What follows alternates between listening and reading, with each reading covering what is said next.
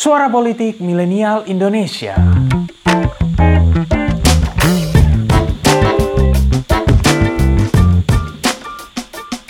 Pernah nggak sih kalian menghitung berapa lama dalam sehari kalian buka Instagram atau Twitter atau Facebook atau TikTok atau aplikasi medsos yang lain? Satu jam?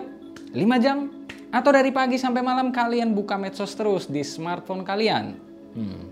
Well, bisa dibilang hidup kita sangat bergantung pada smartphone dan tentu saja media sosial. Bahkan nomofobia, sebutan untuk perasaan khawatir ketika menjalani keseharian tanpa smartphone, menjadi salah satu fenomena yang makin meningkat trennya. Studi bahkan menyebutkan bahwa prevalensi nomofobia di negara maju dan negara berkembang berkisar antara 77% hingga 99%. Menariknya, seolah paham konteks ketergantungan itu, perusahaan-perusahaan teknologi justru makin gencar menawarkan inovasi untuk membangun universe yang makin kuat di media sosial. Salah satunya adalah yang beberapa waktu lalu diluncurkan oleh raksasa teknologi global Facebook lewat Metaverse yang sesungguhnya membuat kita mempertanyakan ulang kebangkitan feodalisme model baru bertajuk Techno-Feudalism. Ini dia, negeri dongeng interaksi sosial berbasis 3D virtual environment tanpa batas.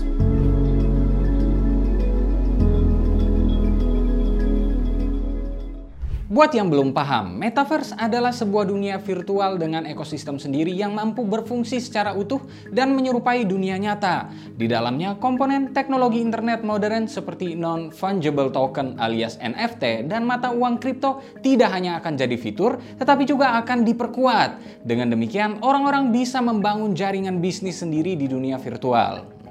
Mirip-miriplah kayak film-film science fiction gitu. Nah, meski janji-janji yang disebutkan dalam beberapa artikel berita tentang metaverse terlihat sebagai solusi modern dari berbagai keterbatasan dunia nyata, beberapa pihak, utamanya pemerintah, mulai mengkritisi dan membatasi kekuatan yang dimiliki oleh para perusahaan besar teknologi alias big tech ini. Kekhawatirannya adalah kapabilitas teknologi big tech yang semakin berkembang dapat mengganggu tatanan sosial, ekonomi, bahkan politik. Bukan hal yang aneh sih sebetulnya karena di negara seperti Amerika Serikat saja, Facebook dalam beberapa tahun terakhir ini dikenakan kasus pelanggaran data pribadi, hoax, sampai penyebaran ujaran kebencian. We didn't take a broad enough view of our responsibility, and that was a big mistake. And it was my mistake. Ini yang kemudian membuat banyak orang mewaspadai kemunculan metaverse dalam konteks perubahan masif secara sosial, politik, dan ekonomi masyarakat global. Apalagi campur tangan big tech dalam politik, khususnya Facebook, yang sekarang namanya berganti jadi Meta, terkenal memiliki reputasi yang buruk. Skandal Facebook Cambridge Analytics misalnya, menjadi salah satu wajah kontroversi penyalahgunaan data pribadi pengguna di Pilpres AS 2016 lalu. Kemudian, dengan fakta bahwa banyak big tech telah masuk ke jajaran perusahaan paling kaya di dunia hanya dalam waktu dua dekade, tidak aneh jika banyak orang yang kemudian khawatir kekuatan ekonomi dan politik mereka dapat mengganggu tatanan negara. Apalagi sampai saat ini negara masih kesulitan mengatur gerak-gerik para big tech. Terkait hal ini, filsuf ekonomi asal Yunani Yanis Varoufakis dalam video Capitalism Has Become Techno-Feudalism memperkenalkan konsep techno-feudalism untuk memperingatkan bagaimana perkembangan teknologi internet yang semakin tidak terpantau tidak hanya mengancam perlindungan data pribadi, tetapi juga sistem ekonomi dan politik secara keseluruhan. Ia melihat bahwa saat ini Big Tech semakin menunjukkan potensinya sebagai aktor monopoli ekonomi modern. Yanis menilai kemampuan teknologi luar biasa yang dimiliki oleh para big tech tidak hanya membuat mereka menjadi aktor yang paling berkuasa di dunia maya, tetapi kekuatan tersebut juga bisa kapan saja dikapitalisasi menjadi sesuatu yang bisa menggoyahkan legitimasi negara sebagai entitas politik tertinggi. Bagaimana tidak? Mereka adalah garda terdepan dalam perkembangan teknologi cyber. Mereka memantau dan tahu secara langsung bagaimana informasi dapat mengubah atau membuat sebuah opini publik.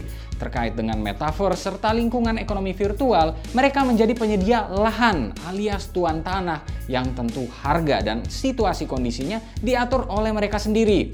Inilah modern version of feudalism. Semua kekuatan yang dimiliki oleh Big Tech ini sejalan dengan bagaimana feodalisme terjadi pada masa lampau. Dalam feodalisme klasik, para pemilik tanah dapat mempengaruhi kebijakan politik seorang raja. Sementara dalam techno-feudalism, para elit Big Tech lah yang menjadi tuan tanah dunia virtual. Layaknya sekelompok aristokrat yang mampu merundingkan, mengatur, dan bernegosiasi dengan otoritas negara. Berbeda dengan kapitalisme, dalam teknofeudalism pasar didominasi oleh segelintir orang yang jumlahnya sangat sedikit namun kuat tanpa tandingan. Segelintir orang tersebut tidak hanya menguasai pasar tetapi juga dapat menentukan perilaku pasar sesuai keinginan mereka. Di sisi lain, Profesor Informasi dan Teknologi dari Imperial College London, Jeremy Pitt, dalam tulisannya The Big Tech Academia Parliamentary Complex and Techno-Feudalism, mengatakan kekhawatiran utama dari Techno-Feudalism sesungguhnya adalah ancamannya kepada nilai kebebasan berpendapat di internet. Big Tech seperti Meta mampu mendistorsi proses agregasi informasi yang pada akhirnya menggiring publik ke pemahaman yang keliru akan suatu isu. Terkait hal ini dalam bukunya yang berjudul Identity, The Demand for Dignity and Politics of Resentment, Francis Fukuyama mengatakan bahwa sejak awal dikembangkan pada tahun 1990-an, banyak pengamat politik yakin internet akan menjadi kekuatan penting dalam mempromosikan nilai-nilai demokrasi.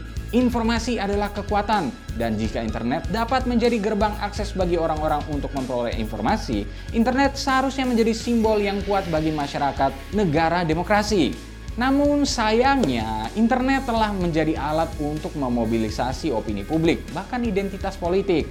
Teori konspirasi dengan bebasnya berseliweran di media sosial dan bahkan mampu mendapatkan penganut yang jumlahnya banyak.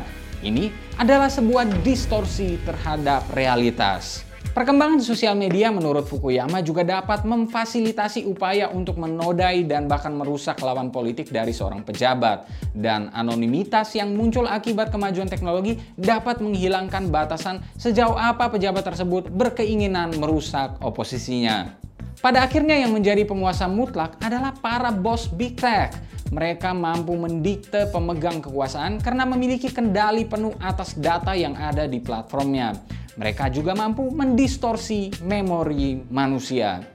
Skenario seperti inilah yang diperingatkan oleh filsuf Slovenia Slavoj Zizek dalam Democracy and Capitalism are destined to split up. Ia melihat bahwa bentuk sistem ekonomi yang dianut sekarang semakin tidak membutuhkan demokrasi karena para aktor yang terlibat dalam aktivitas politik dan ekonomi sadar bahwa opini publik akan lebih efisien dan efektif jika dijadikan hanya sebagai modal politik dan ekonomi. Dari sini kita bisa melihat bahwa metaverse dan masa depan internet bukanlah surga bagi demokrasi. Justru nilai demokrasi akan dimainkan untuk menjadi keuntungan pihak tertentu. Metaverse akan menjadi salah satu simbol makin kuatnya tekno-feudalism, penundukan masyarakat pada feudalisme baru dengan para big tech sebagai aktor utamanya. Jika demikian apa yang harus kita lakukan Bang? Bukannya kita hidup di dunia yang tak terbendung lagi dari sisi perkembangan teknologi informasinya? Well, kita memang tidak bisa serta-merta menyingkirkan keberadaan internet atau sosial media atau metaverse atau apa pun itu. Mau tidak mau dan suka tidak suka, kita akan menjadi bagian dari gelombang ini. Namun yang bisa kita lakukan adalah memilah-milah realitas yang akan kita hidupi. Jangan sampai realitas hidup sehari-hari kita terdistorsi oleh metaverse dan membuat kita terkungkung dalam ruang-ruang yang sempit, hanya ditemani smartphone atau komputer semata. Dunia nyata ini sangat indah dan luas untuk dieksplorasi. Karena seperti kata Nasim Nicholas Taleb, perbedaan antara teknologi dan perbudakan adalah bahwa para budak sadar sepenuhnya bahwa mereka tidak bebas sementara teknologi sebaliknya. Well, jangan sampai kita diperbudak teknologi. Terima kasih telah mendengarkan episode kali ini. Nantikan episode-episode selanjutnya dan jangan lupa untuk kunjungi pinterpolitik.com untuk dapatkan informasi seputar fenomena politik di Indonesia. See you next time and bye-bye.